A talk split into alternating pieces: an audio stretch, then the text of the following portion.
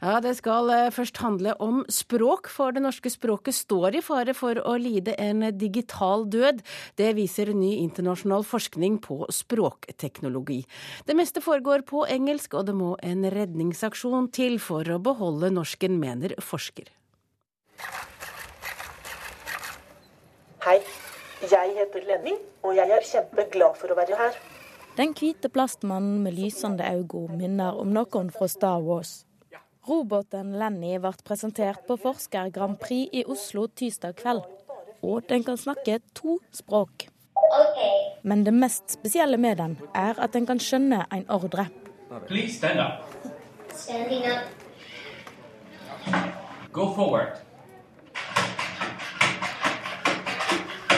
Men bare så lenge forsker og utvikler Pierre Lison gir den på engelsk roboter som eh, forstår hva jeg, jeg, jeg sier, og tar en objekt som står på bordet.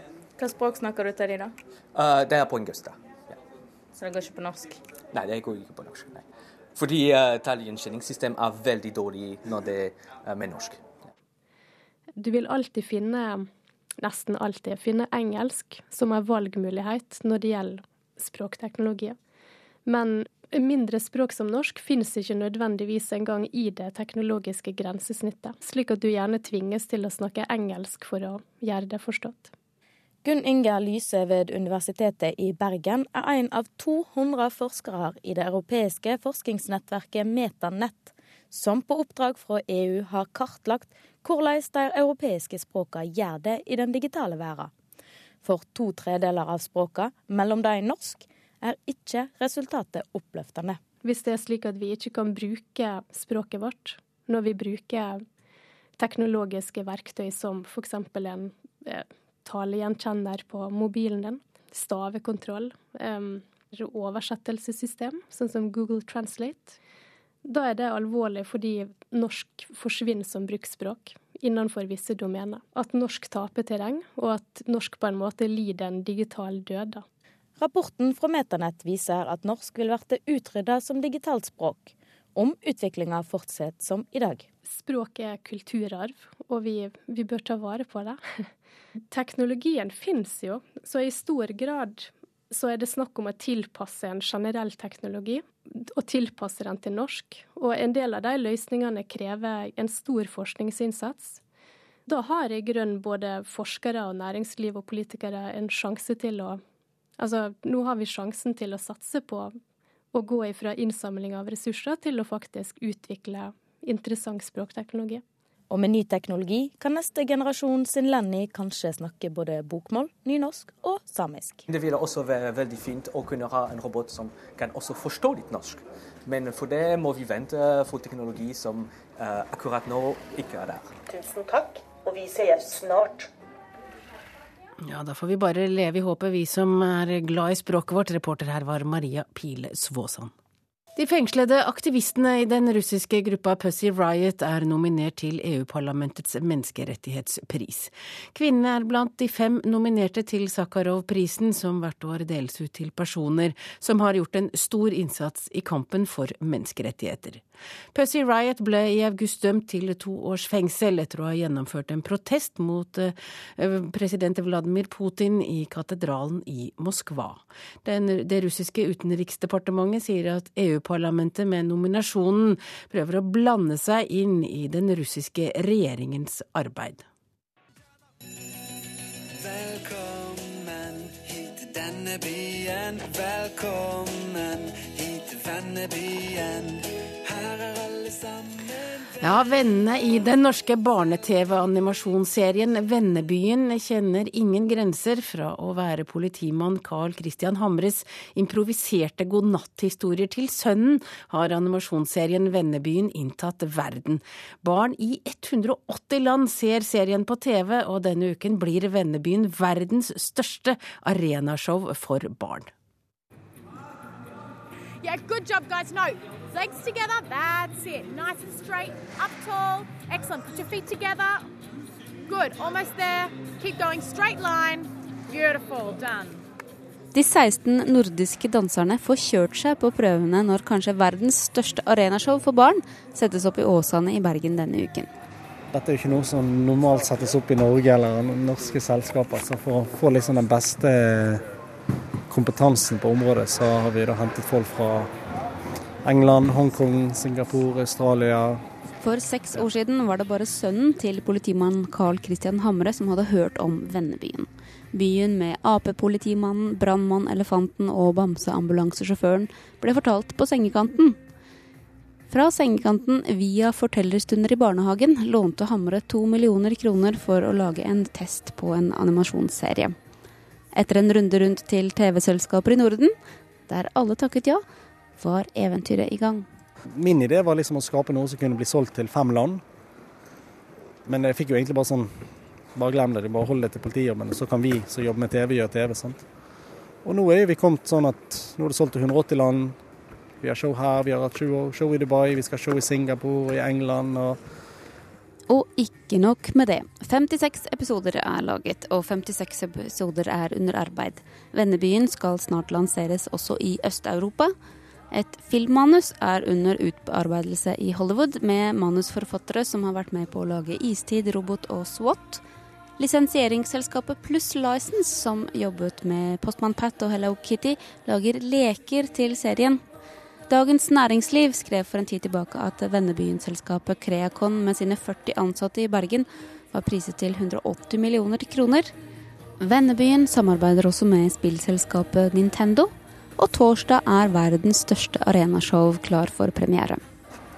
Selve scenen her er ca. 1400 kvadratmeter. Så har jeg store skjermer i bakkant. Den bakerste der er 150 kvadratmeter. De fant ingen så store i Europa, men heldigvis har det James Bond bygget to stykker på 75 kvadratmeter som skal brukes til premieren i London. Så de har vi fått låne før de bruker den selv, og så har vi satt det sammen til én stor skjerm. da. Det blir en slags litt sånn 3D-effekt av et show uten å ha briller på.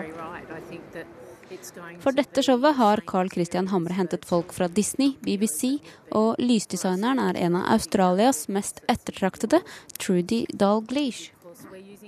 Um, I think that this is actually the biggest children's arena show that has ever been done in the world. Um, I've been involved in uh, lots of children's shows in arenas, and it's usually about half this size.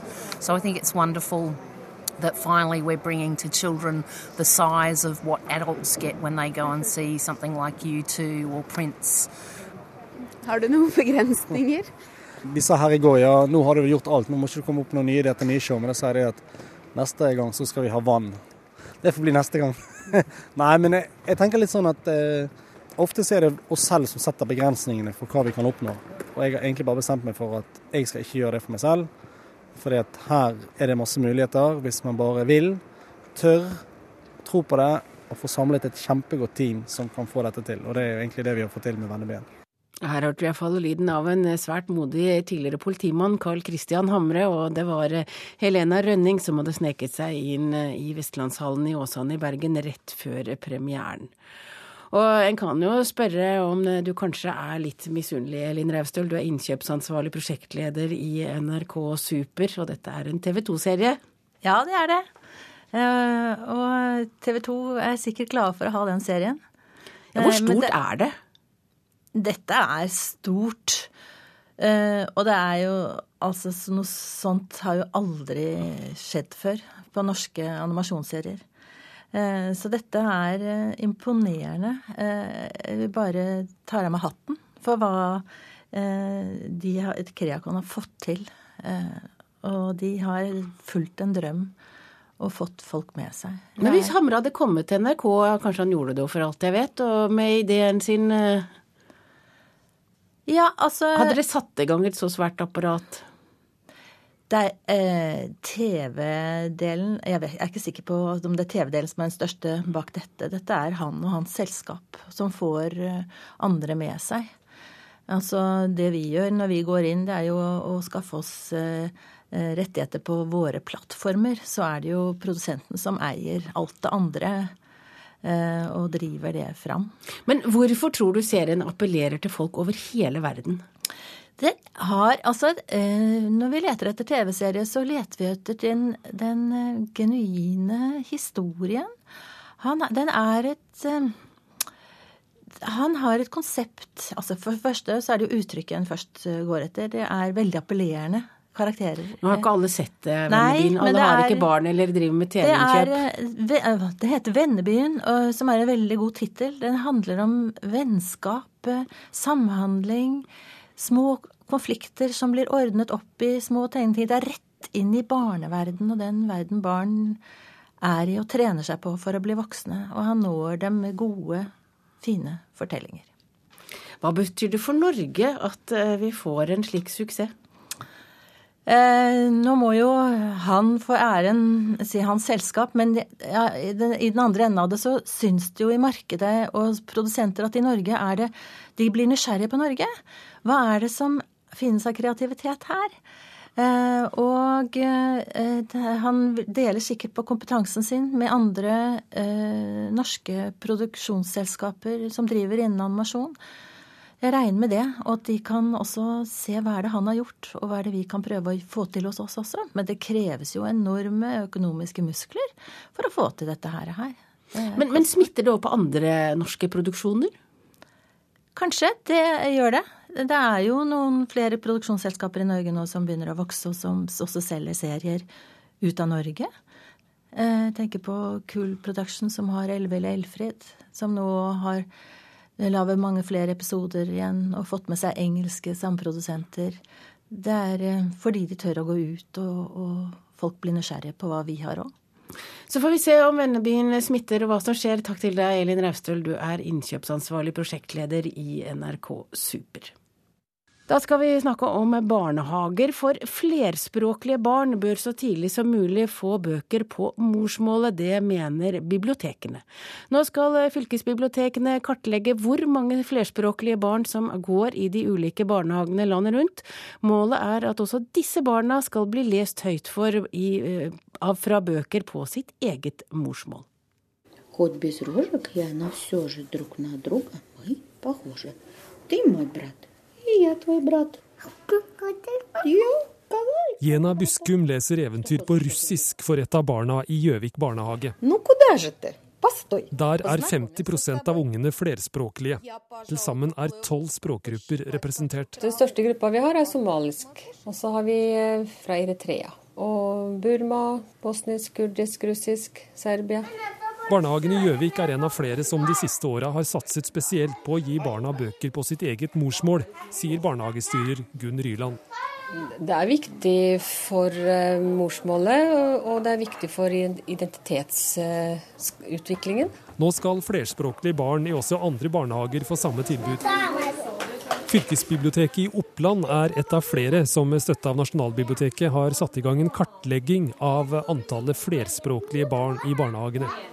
Hensikten er at ungene så tidlig som mulig skal få bøker på sine morsmål, sier fylkesbiblioteksjef Gunhild Olstad. Vi vil jo at eh, de skal kunne konkurrere på lik linje med de norske når de, skal, eh, når de begynner på skolen, og videre opp gjennom eh, de ulike klassene. Sånn at vi vet jo at språk er viktig i ungas videre utvikling.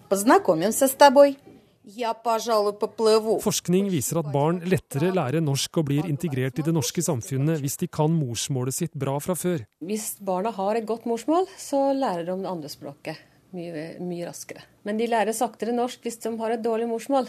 Derfor så jobber vi mye med å styrke foreldrene på å bruke morsmålet. På Gjøvik har barnehagen bevisst tatt inn voksne innvandrere på arbeidstrening og språktrening for at barna skal bli lest høyt for på sitt eget morsmål. Vi prøver å være en åpen barnehage for det, da, sånn at uh, unga skal møte sitt morsmål mest mulig. da. Barnehagestyreren er glad for at bibliotekene vil gi alle flerspråklige barn bøker på sine morsmål. Det syns jeg er veldig bra. Altså, at det blir i hvert fall gjort kjent da, for de barnehager og foreldre. og at de har den muligheten. Men de færreste barnehager har ansatte som kan minoritetsspråk. Da blir det å oppfordre foreldrene. Og det er nettopp derfor vi mener det er så viktig å ha bøker på morsmålet.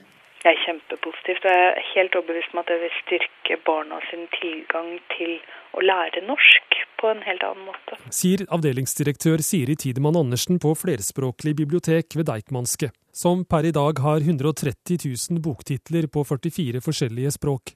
Hun sier det er viktig at bibliotekene nå vil satse mer på å tilby bøker til flerspråklige barn i barnehager. Ja, absolutt. Det er nok mange som foreløpig ikke er kjent med våre tilbud, særlig blant barnehagene. Firebarnsmor Zaineb Mohammed Nou fra Somalia sier hun er glad hun kan låne barnebøker på somalisk, som hun kan lese for ungene sine hjemme. Jeg har lånt den eh, noen uker siden, så jeg har lest med barna mine. De bare ler. Derfor det er bukkene Bruse og sånn, norske historier. Når de så somalisk, så de overrasket og ler. Ja, og reporter i barnehagen var Stein Eide. Trude Marstein blir regnet som en av våre fremste samtidsforfattere med en egen evne til å lade det hverdagslige med en særegen spenning. For tre år siden handlet det om utroskap i romanen Ingenting å angre på. I årets roman Hjem til meg fører tanken i samme retning vår kritiker Marta Norheim har lest. Hadde Ove Haugli hatt format, ville han vært tragisk. Slik det er, framstår han bare som patetisk. Der den virkelige Don Juan ser helvete åpne seg og sluke han i den dramatiske sluttscenen, der feider det ut på en vesentlig mindre spektakulær måte hjå Ove. Han er rett og slett en sjarmerende liten drittsekk, verken mer eller mindre.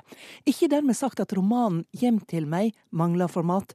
Det er sjelden samsvar mellom heltens kvaliteter og romanens kvaliteter. Men først litt mer om Ove. Mannen som elsker kvinner, og som har sin beste tid i erobringsfasen. Han pøser på med komplimenter av billigste slag. Du er unik, jeg har aldri følt sånn for noen før. Og kvinnene kaster seg i favnen hans. Kanskje han forresten lever enda sterkere når han må møte ei elskerinne i løgn for kone og barn, når han sender heite SMS-er mens han leker med døtrene og finner på stadig nye grunner til å komme seint hjem fra jobben. Historia er like banal som komplimentene til Ove.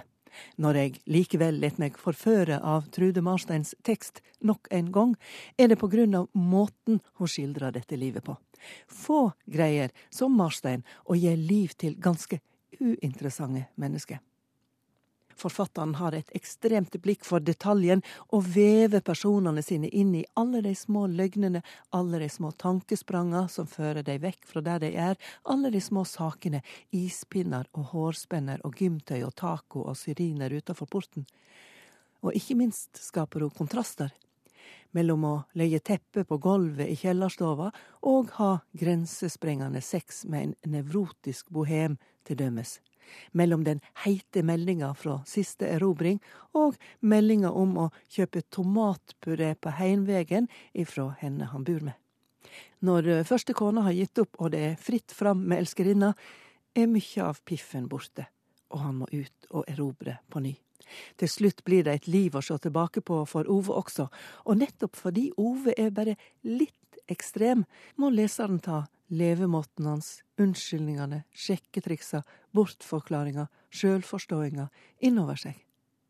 Kvaliteten ligger i detaljen. Jeg må også, litt motvillig, vedgå at kvaliteten også ligger i kvantiteten.